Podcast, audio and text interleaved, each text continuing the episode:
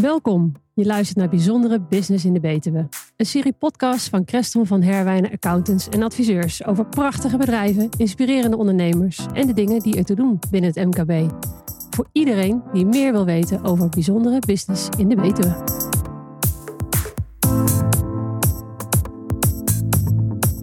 Fijn dat je luistert.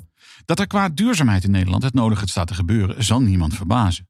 En dat menige MKB-ondernemer op dit vlak nadenkt over te nemen maatregelen, ook niet.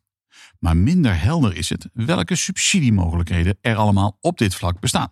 En dus zetten we in twee afleveringen van Bijzondere Business in de Betuwe die subsidiemogelijkheden eens een keertje op een rijtje. En dat doen we met een aantal specialisten.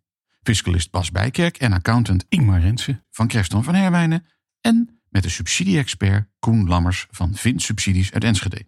Allemaal van harte welkom. In de vorige aflevering hebben we ons vooral gericht op de fiscale subsidies. Dus heb je die nog niet beluisterd, dat zou ik zeker doen, want dat gaat je MKB-ondernemer gaat dat je dat echt geld opleveren. Vandaag gaan we het over de niet-fiscale subsidies hebben. En dan kom ik het eerste bij jou, Koen. En we beginnen met de ISDE, de investeringssubsidie duurzame energie en energiebesparing. Een hele mond vol, maar jij gaat uitleggen wat dat is en waar het toe dient. Ja, uh, dankjewel. Um, de ISDE is een, een stimuleringsregeling vanuit de overheid, die voor zowel particulieren als bedrijven uh, aan te vragen is. Um, voor particulieren is te denken aan uh, bijvoorbeeld isolatie, wat we veel zien, wat eronder kan vallen. voor bedrijven is dit met name gericht op bijvoorbeeld warmtepompen of zonneboilers of zonnepanelen. Um, het interessante aan die regeling, de ISDE, is dat die uh, van tevoren aangevraagd moet worden. Het is een stimuleringsregeling, wat wil zeggen dat het een stimulerende werking moet hebben. Dus uh, eigenlijk een investering die misschien anders niet gedaan zou zijn, die met deze regeling uh, misschien net het, dat setje krijgt om, om wel die keuze te maken. En daardoor is het moment van aanvragen dus heel belangrijk. Waar we in de vorige aflevering al even zijn ingegaan op de EIA, die binnen drie maanden na het sluiten van de koopovereenkomst uh, aangevraagd moest worden, moet deze regeling voor het sluiten van de koopovereenkomst aangevraagd zijn. Um, en in de praktijk zien we dat dat helaas uh, niet altijd het geval is. En uh, een investering die bijvoorbeeld binnen de ISDE meer voordeel op zou kunnen leveren, zijn we volgens genoodzaakt om de EIA aan te vragen voor die regeling. Puur omdat het moment verstreken is waarop die aangevraagd kan worden. En als je, en als, je als MKB-ondernemer nu de weg kwijt bent, en je hebt het fantastisch uitgelegd, hè, maar het is best ingewikkeld allemaal. Eh, timing is alles. Bij de ene regeling moet je achteraf, precies wat jij zegt, Koen. Bij de andere moet je vooraf. Dat moet je even weten. En als je het niet weet, dat is heel simpel. Dan kan je het vragen. En dan kan je bij vragen bij Creston van Herwijnen of bij Koen, toch? Ja, klopt helemaal. Uh, ga je een investering doen, uh, dan kan je altijd contact uh, met Bas of mij opnemen. En uh, indien nodig zullen wij dan uh, met Koen schakelen. Precies. En deze aflevering gaan over verduurzaming. Hè? Daar hebben we het heel nadrukkelijk over. We hebben het over subsidiemogelijkheden of aftrekmogelijkheden voor verduurzaming. Uh, dan hebben we de ISDE hebben we dan gehad. Hè? Met name dat gaat warmtepompen, zonneboilers, zonnepanelen. Maar pas op, kan zijn dat uh, je ook uh, in de, de, de energie-investeringsaftrek, dat je dan uh, mogelijkheden kan, kan hebben. Kortom, dan moet je even goed in de gaten houden. Ja, dus er zijn dus bedrijfsmiddelen die zowel via de ISDE als de EIA aangevraagd kunnen worden. en over het algemeen levert het via de ISDE iets meer voordeel op.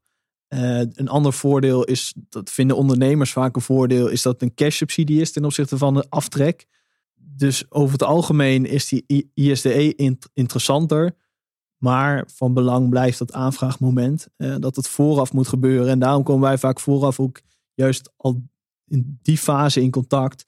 Dat we dan en de investering kunnen toetsen op de mogelijkheden. En uh, het aanvraagproces kunnen begeleiden en bewaken. Precies. En, en, het is natuurlijk een flauw grapje om te zeggen, je kan ze ook alle twee aanvragen, maar dat mag natuurlijk niet. Hè? Dat mag niet. nee, dat, was, dat, had ik al, dat, dat idee had ik al, zal ik maar zeggen. Mag ik daar nog een kleine ja, aanvulling op doen? Ja. Nou, het is uh, bijvoorbeeld als je kijkt naar de investering in zonnepanelen, zitten er wel andere voorwaarden aan de ISDE-subsidie dan aan de energie-investeringsaftrek. Dus het kan zijn dat je bijvoorbeeld niet voor de ISDE-naammerking komt, maar wel voor de energie-investeringsaftrek. Dus dat, dat zijn mogelijkheden die we dus echt vooraf moeten bekijken om dat te gaan besluiten. Dus heb je plannen om hierin te investeren? Ga dan aan de voorkant eens even kijken wat dat betekent. Want dan uh, voorkom je dat je achteraf je de haren uit je hoofd moet trekken. Omdat je simpelweg of de verkeerde regeling, of niet de goede, of niet de volledige, of wat dan ook hebt gedaan. Nou, eens, het kan best veel geld schelen. Net als wat Koen zegt. Vaak is de ISD wat, wat voordeliger. Of heeft andere voordelen. Dus je, snijdt jezelf in de vingers. Op het moment dat je niet goed, ja, niet tijdig uh, communiceert. En het scheelt al zo duizenden euro's, hè Koen? Ja, nee, absoluut. Uh, de, de, de meeste warmtepompen die op de ISDE-lijst staan, die, die variëren ook uh, qua voordeel tussen de, de 2 en uh, nou, 7000 euro even uit mijn hoofd. Dus die, ja, dat gaat al snel over 1000 euro's. Ja, ja, kortom, wees erbij uh, en wees er op tijd bij. Um, de volgende. De SEBA of de SEBA, de subsidieregeling emissieloze bestelauto. Bas, daar weet jij alles van. Ja, dat is een hele mooie subsidie. Uh, vind ik. Dit is ook een van de weinige subsidies uh, waar je, of ja, even uh, emissieloze bedrijfsauto is een elektrische bedrijfsauto. Zeg maar even de auto op grijs kenteken. dus het bestelbusje wat je, wat je vaak ziet. Ehm, de welbekende Mercedes Vito, Volkswagen Caddy. Dat soort auto's gaat het over. Maar dan natuurlijk de elektrische versie. En, en waarom is die regeling zo mooi? Nou, Um, op het moment dat je een elektrische bedrijfsauto aankoopt, dan kan je en de SEBA aanvragen, maar je kan ook um, de MIA aanvragen. Die kunnen naast elkaar bestaan. Dus je kunt toch twee keer dezelfde subsidie aanvragen? Bij deze wel, ja. Dus bij de, bij de SEBA is, het, uh, is de subsidie tot 5000 euro ongeveer. En dan even afhankelijk van uh, wat de auto precies kost. Ehm, maar ga even uit, in, de, in de meeste auto's, bij de meeste auto's is gewoon 5000 euro. Ehm, dus die krijg je sowieso. Deze subsidie moet je vooraf dat je de investeringsverplichting uh, aangaat, moet je die aanvragen. En je mag hem, de auto pas definitief uh, op kenteken laten zetten op het moment dat je de uh, subsidie ook verkregen hebt. Dus deze is echt vooraf. Vervolgens staat de auto op kenteken en ben je echt de investeringsverplichting aangegaan dan gaan we de MIA aanvragen. Dus ja, bij deze auto kan het voordeel zo oplopen tot, uh, tot 6, 7, 8.000 euro. Zo, dat is, dat, is, dat is een enorm percentage op zo'n aanschafsom zeg. Ja, klopt. Maar goed, eh, het is wel een vergelijking. Stel dat je een dieselauto koopt, die zullen gemiddeld 25, 30.000 euro zijn. Uh, koop je een elektrische bedrijfsauto, uh, dan zal die tussen de 50 en de 60.000 euro zijn. Oh, okay. Dus de aanschaf is ook wel echt uh, dermate hoger. Ja, maar ja, je kan vervolgens krijg je tegen je klanten uitleggen dat jij emissieloos. Uh... Ik rij lekker duurzaam. Ja. En ik denk dat dat heel mooi te verkopen is naar je. Nou ja, dat is belangrijk. Dat is toch belangrijk. Uh, maar dat is toch een belangrijk argument, of niet? Ja, zeker een belangrijk argument. Uh, ze ook in het kader van de overheid die verschillende maatregelen op gaat leggen. ja, zijn er wel dingen waar je als bedrijf over na moet gaan denken bij je investeringen. Ja, en ik vind het toch leuk dat we toch uiteindelijk iets gevonden hebben, Koen, waarbij je twee regelingen van toepassing kan verklaren op één investering. Ja, nou ja, de, uh, in de strekking is het soms ook juist dat uh, subsidies mogen in, de basis niet gestapeld worden over dezelfde activiteiten of investeringen. Uh, alleen soms zitten er wat uitzonderingen met bijvoorbeeld een cash-subsidie en een fiscale stimuleringsregeling, waardoor dat net als een ander stimuleringsmiddel wordt gezien, waardoor die dan wel gestapeld kunnen worden. Ik wil hem nog wel gekker maken voor Koos. Want je kan ook nog een derde uh, investeringsaftrek aanvragen. Dat is namelijk de Kia. De kleinschaligheidsinvesteringsaftrek. Krijg je ook op een bedrijfsauto. Dus uh, in feite zijn het er drie. Kijk, je krijgt hem niet cadeau aan het eind van de dag, die bedrijfsauto. Maar je kunt heel veel van je investering kun je weinig terugkrijgen. Ja, klopt. Eens. Zo zie je maar. Hoe belangrijk is het eh, maar dat je precies weet hoe de wereld in elkaar zit. Um, ik kom ook even bij jou, maar want er is ten aanzien van energielabels voor kantoorpanden is er uh, het een en ander nou ja, aangepast, aangescherpt, veranderd per 1 januari 2023. Kan je daar iets over vertellen? Ja, inderdaad, uh, Koos. Per 1 januari uh, 2023 ja, moeten kantoorpanden minimaal energielabel C hebben. Als je aan een aantal voorwaarden voldoet. Eén daarvan is, je bent eigenaar van het pand. 50% van het pand wordt gebruikt als kantoorruimte. En minimaal 100 vierkante meter wordt gebruikt als kantoorruimte.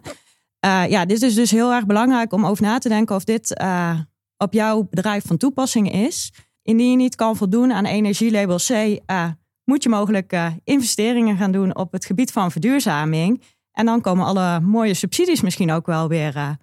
Precies, want, want, dan kan je beginnen zeggen: Nou, nee, sorry, ik heb geen C. En om bij C te komen, dan moet je weer naar de warmtepomp van de ISDE, toch? Ja, dan, is de, dan is de cirkel weer rond. Dan uh, kom je. Nou ja, wel goed. Ik denk dat ik vind persoonlijk wel goed dat ze uh, niet alleen die eisen stellen, maar ook daar een stukje tegemoet komen in, uh, in het realiseren van die, van die eisen. Ja, ja, maar dat betekent dus inderdaad, ga kijken naar dat pand. Wat, wat is jouw pand? Waar, waar gebruik je het voor uiteraard? Uh, wat is de, het energielabel? Zit je daar niet aan? Dan op dat moment dan kun je in zak en as gaan zitten van oh, nou moet ik gaan investeren. En uh, hoe gaat dat? Nee, want dan gaat uh, de, de doos van Pandora gaat pas echt open. En kun je uh, allerlei regelingen gebruik maken om uiteindelijk die verduurzaming voor elkaar te krijgen, Koen, of niet?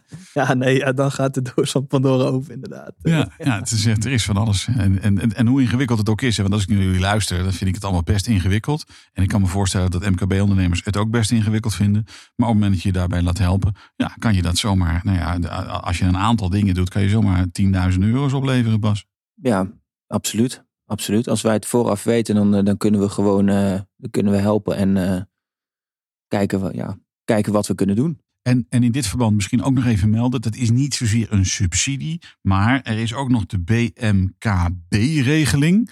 Um, en, uh, en dat is uiteindelijk, uh, dat, benoemen we even, hoe, want het nogmaals is geen subsidie, hoort hij niet, eigenlijk niet thuis, maar we willen hem wel even noemen. Maar dat is een garantstelling van de overheid voor het doen van investeringgebied. Bas, toch? Ja, dat klopt. Dus mocht je als ondernemer investeren in, in, in, uh, in duurzame bedrijfsmiddelen, ehm, dan kan de overheid jou een, nou, in ieder geval garant staan voor de, voor de verstrekte lening. Ehm, hoe die precies uitgekristalliseerd uh, is, ja, daar zijn ze nu nog, zijn, dat, dat zijn ze nu een beetje aan het, aan het vormgeven. Maar die regeling is er wel. Daarom willen we er ook niet zo heel veel, aan, niet zo heel veel over melden. Maar we ja, weet dus, mocht je een financiering nodig hebben, uh, de overheid kan dus garant staan als het een investering is in duurzame bedrijfsmiddelen. Ja, precies. En als we toch even bij, bij het, het, ja, moet ik zeggen, het vloeibare gegeven van de verduurzaming en de maatregelen, want dat verandert voortdurend. Hè? Want we, we hebben oh, eh, bedrijven met meer dan 100 medewerkers, die moeten een bepaalde CO2-uitstoot hebben en, en dat soort dingen. Daar is ook Bas, daar is ook nog wat nodig over te zeggen. Maar dat verandert voortdurend, heb ik het idee, of niet? Ja, dat klopt. De overheid die neemt eigenlijk steeds meer maatregelen om nou, stapsgewijs bedrijven te, te dwingen tot, uh, tot, tot duurzame gedachten of tot duurzame investeringen. En dat, nou ja, wat Ingmar net al aangaf, dat, dat kantoorpanden vanaf 1 januari 2023 minimaal kantoorlabel C moeten hebben, is daar een voorbeeld van. Uh, nou, bedrijven die meer dan 100 werknemers hebben, uh, die moeten de CO2-uitstoot van hun medewerkers als ze een, een auto van de zaak hebben bijvoorbeeld, of sowieso een auto hebben, moeten ze gaan uh, bekijken, berekenen. Er zitten op dit moment nog geen consequenties aan. Maar in de, ik versluit niet uit dat dat in de toekomst wel gaat komen.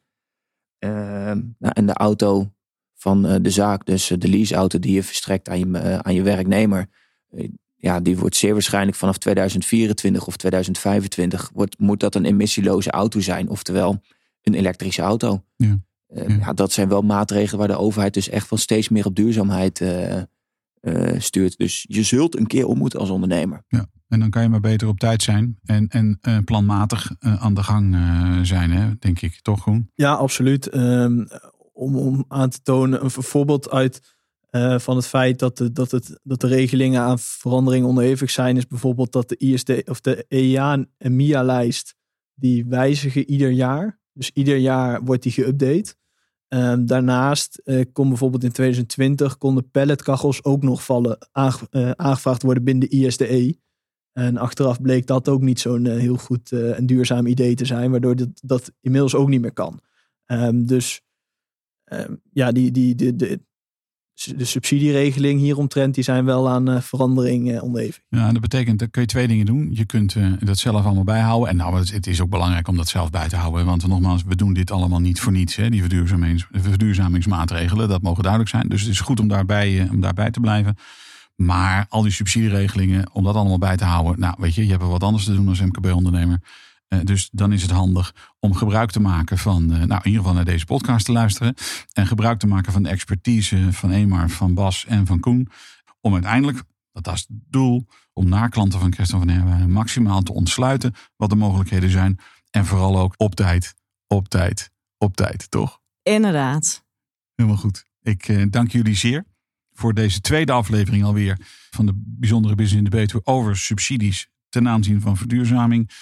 Mocht je de eerste nog niet gehoord hebben, doe dat zeker even, want daar staan heel veel goede ideeën en adviezen in waar je als ondernemer echt veel beter kan worden. Ik dank jullie geweldig en ik wens jullie veel succes met het begeleiden van MKB-ondernemers. Koen, Ingmar, Bas, dankjewel. Bedankt. Dankjewel, Koos.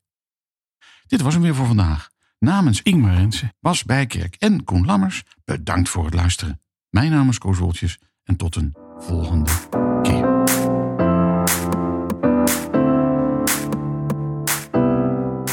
Dit was weer Bijzondere Business in de Betuwe. De podcast van Creston van Herwijnen Adviseurs en Accountants. Wil je de hele serie beluisteren? Kijk op de website van Creston van Herwijnen.